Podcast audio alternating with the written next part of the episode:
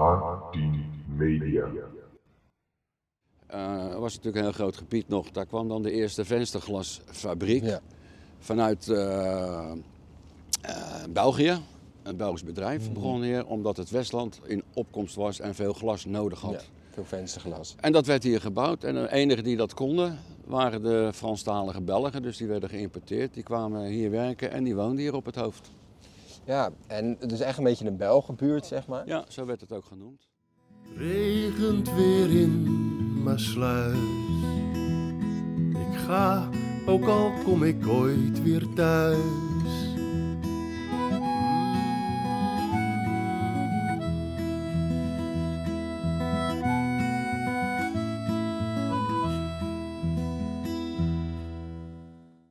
Allemaal en welkom bij deze 27e aflevering alweer van de Maasluizen podcast. En ja, de Maasluizen podcast gaat eigenlijk altijd, en dat is natuurlijk super logisch, over iets wat met Maasluis te maken heeft.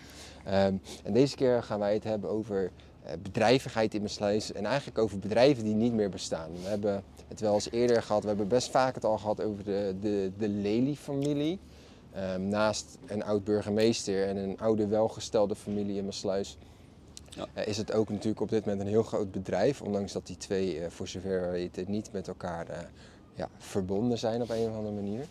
Ehm, maar wij gaan het in ieder geval hebben over bedrijven die niet meer bestaan. Ehm, maar zoals altijd vertellen we eerst even met te vertellen waar zitten we precies. We zitten aan eh, de locatie waar een heel groot bedrijf jarenlang een grote rol heeft gespeeld binnen mijn sluis. Aan de burgemeester de Jonkade. Nou, de meeste mensen weten het waarschijnlijk wel waar je het over hebt, of niet. Maar je hebt Waling van Geest gezeten. Een eh, heel groot bedrijf eh, wat eh, fruit en groenten exporteerde naar Engeland hier vandaan. Ze hadden eigen schepen hier op de kant leggen. De Geeststroom, de Geestdorp, Geeststad, noem maar op.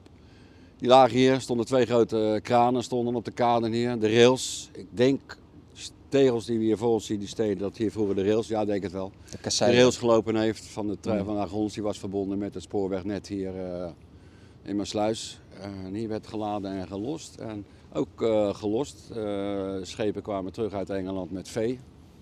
Heel veel vee. En dat werd hier op de wagonnen gezet. Stonden hier twee hele grote loodsen stonden hier ook. Waar ze tijdelijk eh, konden eten en eh, stallen, hele grote Mhm. stallen. Waling van Vergeest, dat is een eh, gigantisch groot bedrijf geweest en jarenlang ja, een grote werkgever geweest hier eh, voor Maasluis eh, inwoners. Ja, en als je ook eh, bijvoorbeeld oude foto's zou zien van deze kade, dan zie je ook dat nou, waar nu de auto's voornamelijk staan geparkeerd aan de huizen, daar was de weg naar de pont.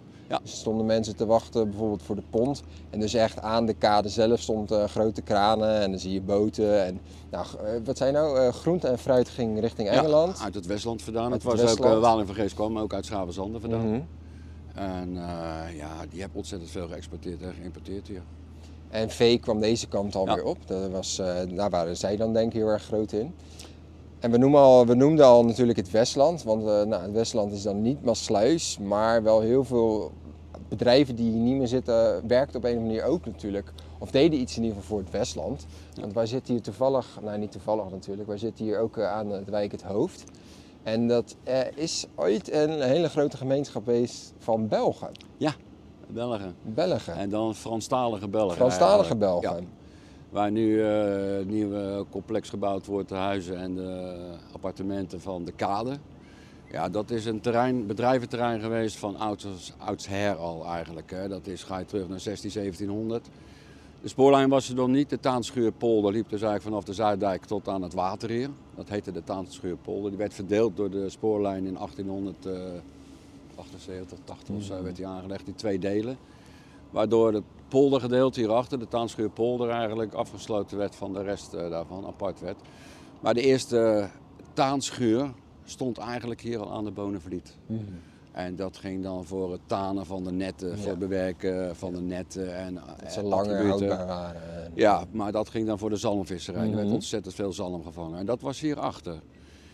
In de loop der jaren is dat allemaal veranderd. We hebben het over het prikkergat gehad. Het eh, opkweken van visjes voor, eh, voor, voor, voor, voor de visserij Mhm. zat hierachter. Eh Er was natuurlijk een heel groot gebied nog. Daar kwam dan de eerste vensterglasfabriek Ja. vanuit eh, eh, België. Een Belgisch bedrijf Mhm. begon hier, omdat het Westland in opkomst was en veel glas nodig had. Ja. Veel vensterglas. En dat werd hier gebouwd. En de enigen die dat konden waren de Franstalige Belgen. Dus die werden geïmporteerd. Die kwamen hier werken en die woonden hier op het hoofd. Ja, en het is echt een beetje een Belgenbuurt, zeg maar. Ja, zo werd het ook genoemd. De Belgenbuurt. En ik heb uiteindelijk ook begrepen in ieder geval dat, ehm, dat die glasfabriek is in ieder geval in 1911 gebouwd. Daarna volgde natuurlijk ook op een gegeven moment de Eerste Wereldoorlog. En toen kwamen er, omdat er hier al een soort kleine Belgische gemeenschap was, kwamen dus ook best veel Belgische vluchtelingen hier. Vluchtelingen, ja, ze hadden natuurlijk allemaal een adres hier zitten. Mhm. Of allemaal. Heel veel. Het was heel bijzonder hoeveel vluchtelingen hier naartoe kwamen.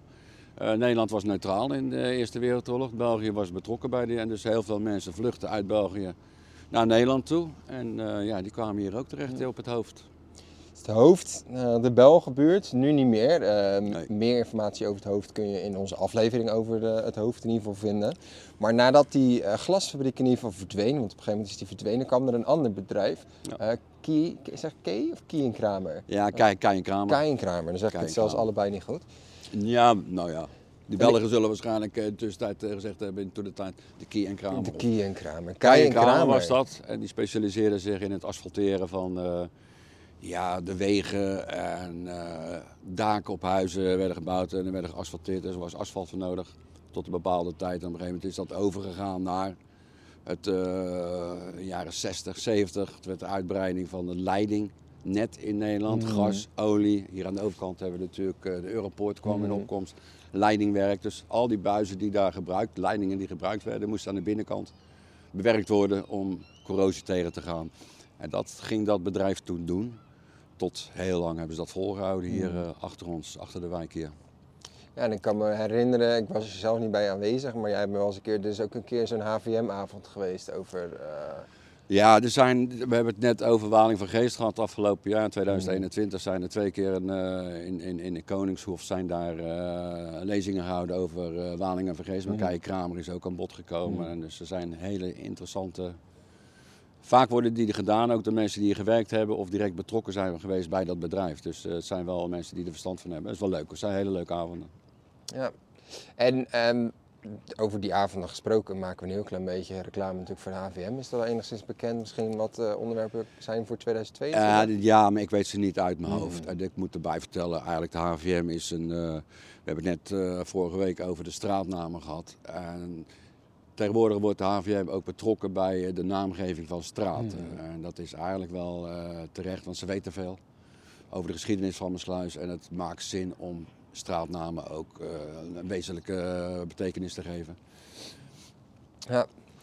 Ehm, maar goed, we even terug in ieder geval naar die bedrijven. Bedrijven die er niet meer zijn. Ik denk, eh, laten we er even een aantal noemen. Zoals bijvoorbeeld, nou, die, die wat meer bekend zijn natuurlijk. Zoals Smit, Smit Sleepvaart. Daar hebben we het uitgebreid over gehad natuurlijk in onze aflevering over de sleepvaart. Ehm, maar ja, als je het natuurlijk gaat hebben, kijk, we hebben het net over fruit gehad en we hebben het over glas gehad en we hebben het over eh, nou, asfalteren van pijpen en zo. Maar ja, de visserij en alles daaromheen, het water, er is natuurlijk heel veel bedrijvigheid geweest. Ja, Omdat Ja. Maasluis gewoon aan het water ligt. Ja, ja dat, dat, dat heeft heel veel eh, bedrijven hier naartoe gebracht of laten ontstaan.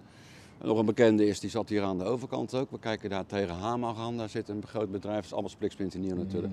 Voorheen zat daar Van de Bent. En Van de Bent was een machinefabriek. Eh, in 1900 begonnen eigenlijk. En die deed veel met onderhoud van schepen, van Mhm. Smit bijvoorbeeld. Overhalen van de machines en, en reparaties. Van de Bent is heel groot geworden met, ook weer in die jaren met eh, het Westland. Komt toch weer terug op het Mhm. Westland. Dat kwam in opkomst. Die hadden ketels nodig, verwarmingsketels. En ze hadden een speciaal patent van, eh, van het maken van ketels. Ik denk dat ze 400, 500 ketels gemaakt hebben voor het hele Westland. En vergeet natuurlijk niet al die bedrijven die eh, aanvoer hadden naar dat bedrijf van de band toe, aanleveringsbedrijven. Eh, dat zijn er heel veel geweest natuurlijk. Je hebt het over Smit gehad, maar je moest ook bevoorraad worden. En een groot deel van mijn sluis was gewoon, had, had veel inkomsten door het havengebeuren. Ja. En eh, nou ja, je zei net natuurlijk al, eh, de, ja, weer die link met het Westland natuurlijk ook. Naast het water, dus ook zeg maar het achterland, een beetje het Westland eigenlijk. Want heeft hij ook ooit een keer in een kistenfabriek gezeten? Een vaat, was dat ook Ja, dat is ook. Ja, dat gaat natuurlijk ook al ver terug. Dat is on- eh, voortgekomen uit het feit dat hier kuiperijen zaten. En daar moesten die tonnetjes waar de haring in kwam, dat is natuurlijk een grote vis, eh, visvangstaanvoer. En die moesten in tonnetjes gemaakt worden. Dus je had een fabriek nodig die die tonnetjes maakte. En dan hadden we er twee van. Van de Toor en de Neef. Dat zijn twee grote bedrijven. De ene die zat bij Nieuwpoort, waar Nieuwpoort nu zit. En eentje die zat dan waar de Spectrum of de, de, de Vissenschool zit, dat hele gebied. Was een, eh, er werd, werd dat gemaakt. En later, eh, toen er minder kistjes nodig waren, of tonnetjes nodig waren, ging dat over in kisten maken en zo. Dus het, het- de kistenfabriek eh, van Toor en de Neef die hier zaten en zo. Het zijn twee hele grote bedrijven geweest. Heb jij niet ooit gewerkt in een kistenfabriek? Ja, maar dat was ook weer in het Westland. Oké. En En dat was zijn wel- dan tomatenkistjes Ah, Oké, tomatenkistjes, ja. Ja, want ja. ik dacht misschien is het, maar dat is dus niet hetzelfde kistenfabriek. in Nee, nee, nee, nee, nee, want het werd ook pallethandel en dergelijke. Er werden ook Mm. pallets gemaakt en noem maar op en zo. En tot op een zeker moment ja, was dat allemaal Mm. afgelopen en verdwenen. En eh, er is ook helemaal niets meer van over. Nee, jij noemde natuurlijk de pallet, eh pallethandel. Wij hebben ooit een keer een. eh, dit is een bedrijf wat ik me nog enigszins kan herinneren, omdat ik weet dat het, eh dat het fik erin is gegaan in ieder Ja. geval. Ja. Eh, even kijken, hoe heet die ook alweer? Lievaart, Lievaart en Slaghuis. Slaghuis. Ja, die zaten bij eh, Kortenhof eh, daar tegenover Ja. eigenlijk. Daar zit nu eh, Zat nu Europroducts. want Die zijn Europroducts. nu weer verhuisd Ja, naar de Vlaardingse dijk. Maar dat was een pallethandel aan, het wijk, aan de wijk Het Stort ja, zat er tegenaan, ja. tegenaan. Er is een eh, hele grote brand geweest in het begin... eh, 2003. hm? 2003 las ik. 2003. eh, ja. Daarnaast had eh, Willem Pot. Willem Pot was een grote eh, leverancier van eh scheepsdingen en zo. Sleep, of heet dat? eh, reddingboten, ankers, kettingen en zo. Die zaten tegen elkaar aan. We hebben de brand gehad in 2003. Ja, stond vol met pellets. Dus een gigantische brand geweest. Ook nog veel paniek toen. Er stonden ook eh, gasflessen stonden op dat terrein en die kwamen terecht op de balkonnen in, in, in de stort en zo. Dus dat was een hele eh, vervelende situatie. En toen dat eigenlijk afgelopen was, is ook besloten dat komt ook nooit meer terug. Nee, komt nooit meer Het terug. bedrijf bestaat nog, dat zit nu echt tussen Mersluis en Hoek van Holland in. Mhm. eh, bij Van Vliet eh, is het begonnen met een pallethandel. En volgens mij, als ik me goed kan herinneren, hangen er foto's in van Kortenhof. Die hebben Ja, denk het wel, daar ja. hangen volgens mij foto's van die brand. Want dat is nogal, nou ja, ik was 13 toen de tijd. Ehm 12 volgens mij, volgens mij was het begin 2003. Nou ja, dat is natuurlijk afgefikt. Eh, dat is hoogst, tenminste Koos Karsen, onze oud-burgemeester, heeft toen een keer gezegd, naar aanleiding van de politie, dat is waarschijnlijk is aangestoken. Ja. Eh, maar goed, dat, ik- hoe dat exact eh, toen is afgelopen. Maar goed, pallethandel zat er, maar die is om die reden dus verdwenen. Ja. En als je het dan in ieder geval hebt over afbranden, bedrijven die zijn afgebrand, hebben wij het wel eens ik eerder gehad over de oliefabriek ploeg op het Ja, Schanseiland. Ja, de ploeg heette die. De eh. De eigenaar heette Verploeg. Mhm. Dat was een molenaar die kwam uit eh Nooddorp vandaan. En die wilde ergens anders, bij Sassenheim of zo beginnen, maar dat gaf veel problemen. En toen zag hij hier een eh, huis te koop met twee panden. Hij zei, dan ga ik hier beginnen. Mhm. En dat was op de Marningskade. En dat was het burgemeesterhuis. De burgemeester woonde daar toen. Dat heeft hij gekocht en dat is uitgebreid. En dat is gebaseerd op het uitpersen van eh mais en dergelijke. Eh, die olie werden daar gemaakt. In het algemeen staat de fabriek bekend als oliefabriek. En dat geeft dan meteen een eh, vervelende smaak in de mond. Maar het waren geen ruwe oliën, maar het was gewoon de eerste slaolie eh, die je nog steeds in de winkels koopt. Kwam ook hier vandaan in de flessen. Maar ik Dus zo'n fabriek was het. Maar Ja. hij, hij stonk en hij Ja. rook. En eh, de buurt was daar niet zo blij mee met dat ding. Dus. de buurt was niet, n- vond het in ieder geval niet heel jammer dat hij uiteindelijk is afgefikt. nee, nee, nee. Eh, want hij is afgefikt, ja, die is ook afgefikt volgens mij. Hey, en we hebben, nu, nou, we hebben het er nu over sla of over maisolie, maar we hebben in Maasluis ook een groot bedrijf gehad dat link heeft in ieder geval met de Tweede Wereldoorlog. Ja. Dat heet Wittel Ja. en dat staat als een afkorting voor witte olie. Ehm, en dat was een doelwit tijdens de Tweede Wereldoorlog. Ja, van, eh, niet, eh, want de Duitsers zaten er natuurlijk al, maar dat is eh, helaas niet helemaal goed gegaan. Voor een bombardement in maart 43 is dat getracht te bombarderen door de Australische Air Force. Ehm, ja, waarom dat misgegaan is, het is misgegaan omdat het doelwit niet geraakt werd, maar de wijk eromheen wel. Mhm. Met toch 18 eh, dodelijke slachtoffers eh, gevolg en gigantisch veel schade. Er is ontzettend veel verdwenen uit het hart van Maasluis door dat bombardement. Eh, dat Wittel maakte ja, ook machina, of weet dat, medicale, Medicinale olie, ja, medicinale voor de olie en, en zulke, ja. zulke producten allemaal. En waarom dat gebombardeerd moest worden, ja, ik weet het niet. Helaas, het is een hele grote ramp geworden. En twee, drie dagen later hebben ze nog een keer geprobeerd. En toen werd eh, Groen van Prins uh, school geraakt. Waar de gewonden lagen. Waar de gewonden en de overleden lagen daar al. Maar er, vielen, er zaten de kinderen toen ook. eh, maar dat is gelukkig allemaal goed afgelopen, behalve schade dan. Maar, eh, ja, dus dat is eh Wittol geweest die daar zat. En die zat eigenlijk op de locatie waar je nu je, grof vuil in levert van, eh, aan de Helderingstraat. In de Helderingstraat. Nou, en eigenlijk hebben we het nu al best wel veel gehad over eh, nou ja, olie natuurlijk, maar Westland, eh, haven gebonden. Maar we hebben ook best wel wat eh, technische bedrijven gehad. Eentje daarvan, daar kwam ik eigenlijk achter toen wij ons vooronderzoek gingen doen, om het zo maar te zeggen. Elementum had ik nog nooit van gehoord. Ja, en dat is bijzonder eigenlijk, want eigenlijk die hele Westwijk is De vlekje. De flat. Elementenflats worden dat allemaal genoemd. Eh, Er zijn er al een heleboel zijn er gesloopt ondertussen. Er is allemaal nieuwbouw voorgekomen. Heel veel elementenflats staan er nog. Mhm. En kijk waar we net over had, over de Van Ruisdaalstraat. Het Het zijn allemaal is allemaal elementen, maar de hoge flats bij ons, eh, de Zanenveld en de Wesselingstraat, elementen. Eh, ook gebouw, ook, ook uit van, door dat bedrijf. door dat bedrijf. En het is niet alleen mijn sluis geweest natuurlijk. Het Het bedrijf stond hier in mijn sluis. Maar eh, het werd in heel Nederland werden die flats gebouwd. En dat was natuurlijk heel, het eerste prefab fabriek waar gewoon heel snel woningen gebouwd kunnen worden. En mijn sluis was bekend om al die flats. eh, Vier hoog. Hè. Kijk maar om je heen, die zijn er nog steeds vier hoog. En dat is allemaal elementen. Ehm, ja, dat is een periode geweest dat het al goed liep. En, Ja. eh, En Ja. no- ja, hoge woningnood denk ik. ja, hoge woningnood, een snelle bouw. Maar kijk maar hoe snel die Westwijk gebouwd is. Eigenlijk in de korte, zeer korte tijd is die hele Westwijk gebouwd. Vanaf de oude, oude binnenstad tot aan eh, waar wij nu zitten. Ja. Hey, en eh, nou, we hebben het een beetje over, dat is de, meer technische kant. We, we, we- want we, ja, als we het dan over techniek hebben, of elektrotechniek om het even zo te zeggen. Verome Electra, dat is Ja. een naam die mij eh, nog wel het een en ander zegt. Ja. Maar de naam Verome is niet alleen in eh een bekende Nee, dat is echt iets, eh zijn verhaal apart is dat. Dat is Cornelis Verolme geweest, een hele bekende scheepsbouwer in de jaren 60. In Nederland dan, eigenlijk wereldwijd. Die man die had een vooruitziende blik. En eh, hij wilde grote schepen bouwen, mammoetankers. Men vond dat belachelijk, daar hadden ze nog nooit van gehoord. Dan gaat hij die bouwen. Hij heeft het wel gedaan aan de overkant hier. Ehm, een onderdeel daarvan zat hier in Maasluis. Dat was de NV Metaal en Houtfabriek eh, van Maasluis, heette dat. Heette gewoon Maasluis. Dat zit op de locatie waar nu Kauwei zit. En dat gebouw daarnaast dan. En Verolme die had daar al een vinger in de pap. die heeft dat bedrijf opgekocht. Overgeplaatst naar eh, Rotterdam. En in die eh, panden die leegkwamen is hij Verolme Elektra begonnen. En Verolme Elektra hield zich bezig met eh, apparatuur aan boord van schepen. De ontwikkeling van en de plaatsen van die apparatuur. En nou ja, Verome Electra heeft best lang bestaan. omdat het eigenlijk een beetje een aparte tak was. Eh, eigenlijk weg, nou niet echt weg, maar een aparte tak van zeg maar de uh, mammoetanker eh, business. Ja. Nou, hij was dus een hele grote eh, man, of in ieder geval een reder bi- daarbinnen. Hij had een binnen hele grote business. vinger in de, in de pap hier. Ja, en uiteindelijk ehm, ja, merkten ze wel een beetje, voornamelijk door de door wat hogere lonen hier, dat die, dat die internationale concurrentiepositie een beetje van, ja, van hem ook onder druk kwam te staan. Ook van Nederland als, eh, zeg maar, als land, als maker van boten. Dus Ja. de overheid heeft op een gegeven moment wel in gesprek met hem, ik denk ook andere bedrijven, gezegd van "Joh, jongens, luister, als we die po- positie willen behouden, ja, dan moet er wel eh, iets, ja, moeten jullie gaan fuseren, moeten jullie samen gaan werken, moeten jullie... Nou, daar wilden ze ook best wel wat geld in stoppen. Hebben ze ook gedaan, de overheid. Ja.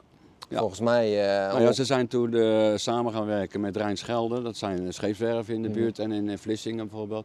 En dan kreeg je dit RSV, beruchte RSV-concern, Mhm. wat samengesteld werd. En dat moest kosten wat kost, moest dat bewaard blijven binnen Nederland. Mhm. Ja, dat heeft geloof ik wel meer dan een miljard gekost. Mhm. En het eind van het liedje was dat het allemaal eh, kapot ging. En dat is een hele grote eh, rel geworden in Nederland natuurlijk. Betijds kon dat Verom Electa, die is zelfstandig verder gaan. Die Mhm. heeft zich eruit getrokken uit, eh, uit die malaise. Mhm. En die heeft het nog vrij lang volgehouden in mijn sluis. Maar dat RSV-concern, ja, dat is een nationaal schandaal geworden. Ja, en je zei RSV staat er voor Rijnschelde eh, Verolme. Verolme. Ja. Nou, dat is inderdaad een, is een hele parlementaire enquête eh, aan gedaan van hoe kan het nou dat er zoveel overheidsgeld in is gestopt, maar dat het toch fout is gegaan. Ja. Nou, en naar aanleiding daarvan, eh, toen was meneer Verolme zelf al eh, overleden een aantal jaar. Maar ja, naar aanleiding van de resultaten uit die enquête hebben ze op een gegeven moment, een paar jaar later, ook besloten om het noodlijnende Fokker niet te redden. Nee. Nee, dat hebben ze meteen eh, de stekker uitgetrokken. In ieder geval dat jammer. Maar goed, ze, hebben, ze waren wijs geworden. En je moet ook reëel blijven op een gegeven moment. Dat hele RSV-project, dat was gewoon niet reëel. Maar ja, het waren de jaren 60 en het was nationale trots. En et cetera. En Cornelis Vrome die eh, is nog wel even doorgegaan in Zuid-Amerika. Want hij had hele Ja, Vooruitziende Ja, blik had hij dan, eh, dubbelwandige schepen en mammoetankers. En die is aan Brazilië, eh, is hij daar gewoon verder gegaan met het project. Een aantal jaar, want hij is inderdaad vroeg overleden daarna. ja. ja Verromme Elektra, dat is nog wel een naam die mij enigszins eh, wat zegt. Maar ik moet je eerlijk zeggen, de eerder genoemde, eerder genoemde hallo, de eerder genoemde bedrijven, ja, ik weet dan het een en ander natuurlijk van bijvoorbeeld dat Witte, omdat dat te maken heeft dan met de Tweede Wereldoorlog. Maar ehm, voor de rest, ja, voor mij is het allemaal een beetje eh, bedrijvigheid. Ja, het is allemaal, eh, het zijn eigenlijk allemaal bedrijven geweest die wel een hele grote impact hadden. eh, waar veel mensen uit Besluis gewerkt hebben. Ja. En de oude, kijk, als je nu eigenlijk ziet, we hebben Lely nog, Farming Industries. Dat is een grote werkgever in Besluis, maar dan houdt het een klein beetje op. Euro, Europroducts. Ja, Europroduct. Ja, meneer Maliepaard natuurlijk niet vergeten. Die, eh, die doet ook zijn stinkende best. Maar als je ziet alle bedrijvigheid die er geweest is. Dat zie je nou eigenlijk ook s ochtends vroeg en s'avonds laat. Mijn sluis wordt niet voor niks een slaapstad genoemd. Eh, mensen werken eigenlijk niet meer in mijn sluis, maar het grootste deel werkt allemaal buiten mijn sluis. En in die jaren was dat allemaal andersom. Iedereen die werkte in mijn sluis. Mijn sluis was natuurlijk kleiner, maar de bedrijvigheid was vele malen meer dan nu tegenwoordig. Maar ja, weet je, bedrijven komen en gaan. En net zoals onze afleveringen, die komen en die gaan. En ik denk dat dat een mooi einde is, in ieder geval voor deze aflevering. Eh, we willen uiteraard iedereen die heeft geluisterd bedanken. En hopelijk tot de volgende keer. regent weer in Maasluis. Ik ga, ook al kom ik ooit weer thuis.